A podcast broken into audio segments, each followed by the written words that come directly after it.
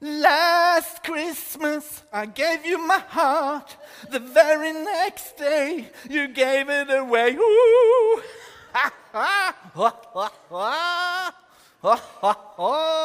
Jeg er Bjørn Viste. Jeg er fra Stavanger. Jeg er 15 år, tro det eller ei. Og jeg har skrevet en vitsebok. Eller noen ville kanskje ha kalt det for en vistebok.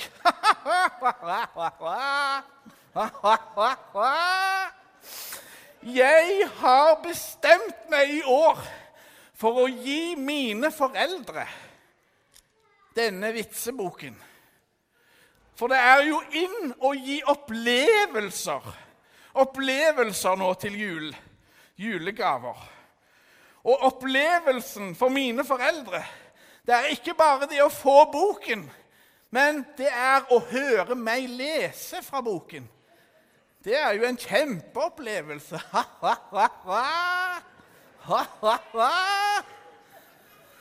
Og jeg er humorist. Jeg er en løgnas. Og det oppdaget jeg i forrige skoleår. Da sa læreren til meg, 'Bjørn, du svarte rett.' Og da svarte jeg, 'Det var akkurat det jeg visste'.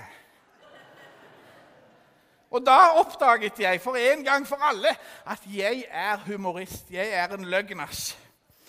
Og nå skal jeg for dere lese det, et lite utdrag fra min bok. Håper dere har god tid. Ja Bløt avdeling. Er dere klare? Denne krever litt intellektuell kapasitet. Men det vil sikkert gå bra. Det var han som ikke kunne spise middag fordi faren var i retten.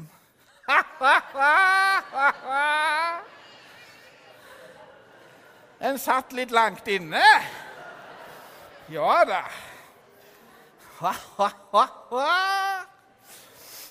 Og så var det han som ikke kunne slå på lyset fordi faren var bryter.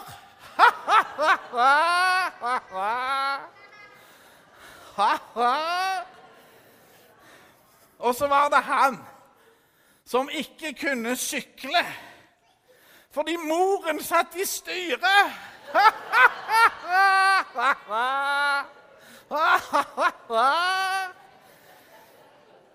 Og så var det han som ikke kunne spille gitar fordi moren var streng.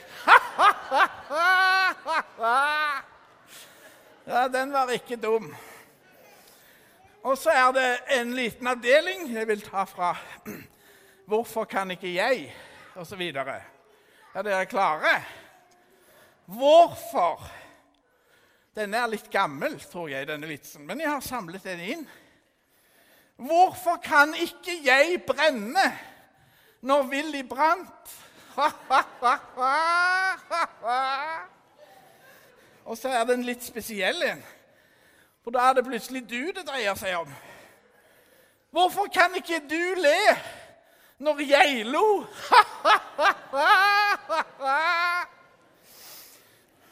Og så er det denne. Hvorfor kan ikke jeg kysse når hele Norge har kyst?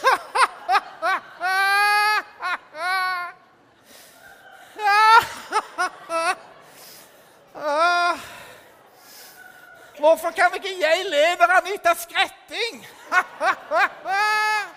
Den kom jeg på nå. Hvorfor kan ikke jeg hoste når Morten harket? Oi. Og så var det denne Den har jeg ikke helt forstått. Ja, men jeg tar den likevel. Kanskje dere forstår den. Hvorfor kan ikke jeg tisse når Wenche Foss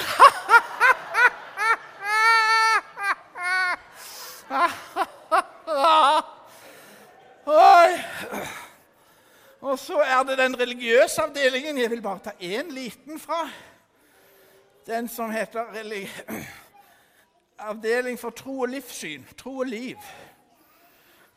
Og den er slik Han som sa 'Jeg er blitt ateist', og nå er nok Gud skikkelig sur på meg.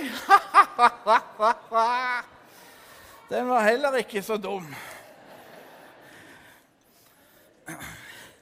For en type. Uh. Da er jeg blitt meg sjøl igjen, i tilfelle dere lurte. Litt anstrengende, det der. Du, kan du være litt speil for meg nå? Ser det noenlunde greit ut? Veldig fint. Tusen takk. Det er fort gjort å bli litt ubalansert.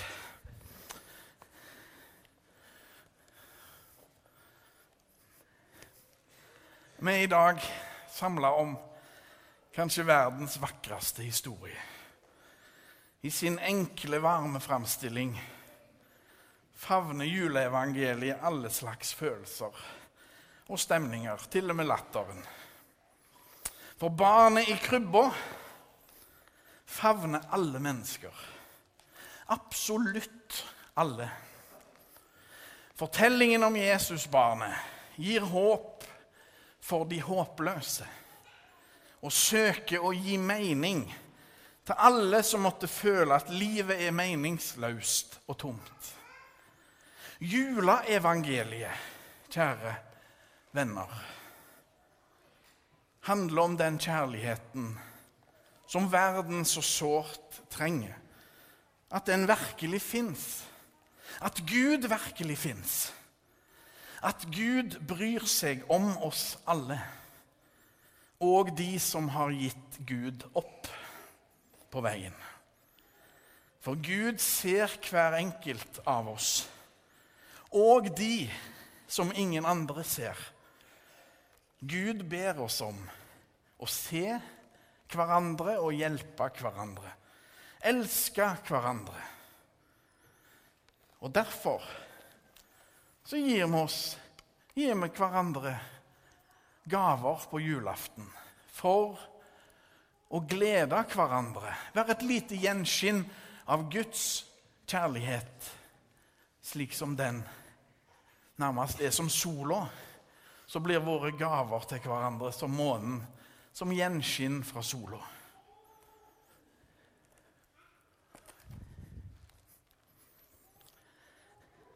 Gud elska oss først og ble en av oss på forunderlig vis.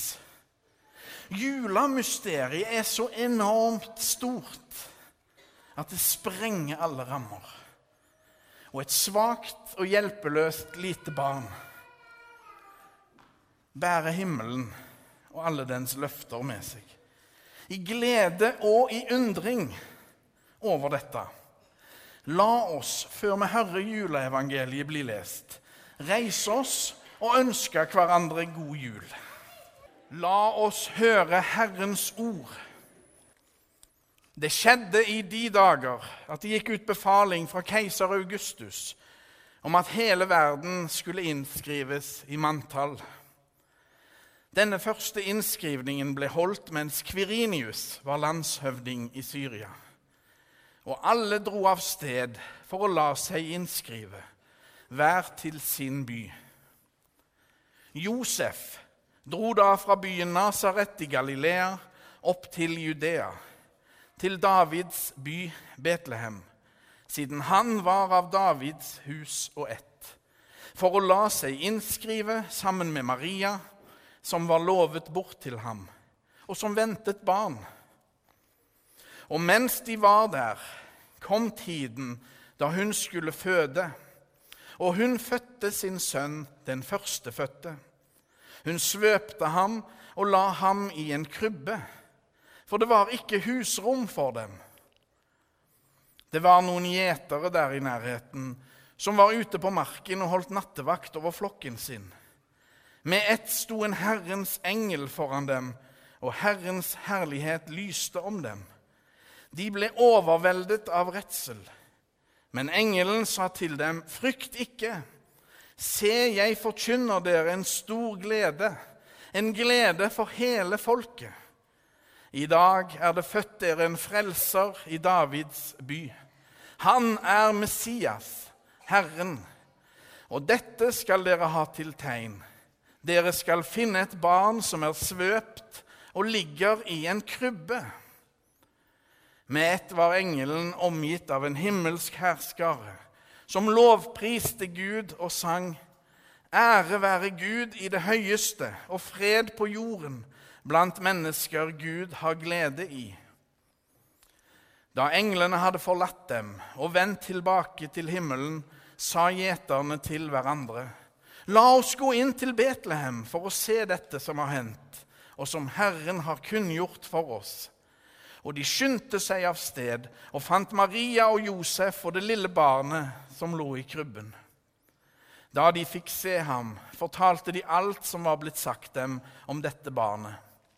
Alle som hørte på, undret seg over det gjeterne fortalte. Men Maria tok vare på alt som ble sagt, og grunnet på det i sitt hjerte. Gjeterne dro tilbake. De lovet og priste Gud for alt de hadde hørt og sett. Alt var slik som det var sagt dem. Slik lyder det hellige evangelium. Visst er det en vakker historie, men er han sann? Eller er dette bare en store bløff, hele greia? For Guds skyld og vår egen skyld, la oss ta den sjansen. La oss tro på den historien. La oss ta denne fortellingen på alvor. La oss berøre hverandre med den sjøl om han er enkel. Maria var sjøl vitne og levde lenge nok til å dele historien videre med mange andre. For hun hadde jo grunnet på det i sitt hjerte, som vi nettopp leste.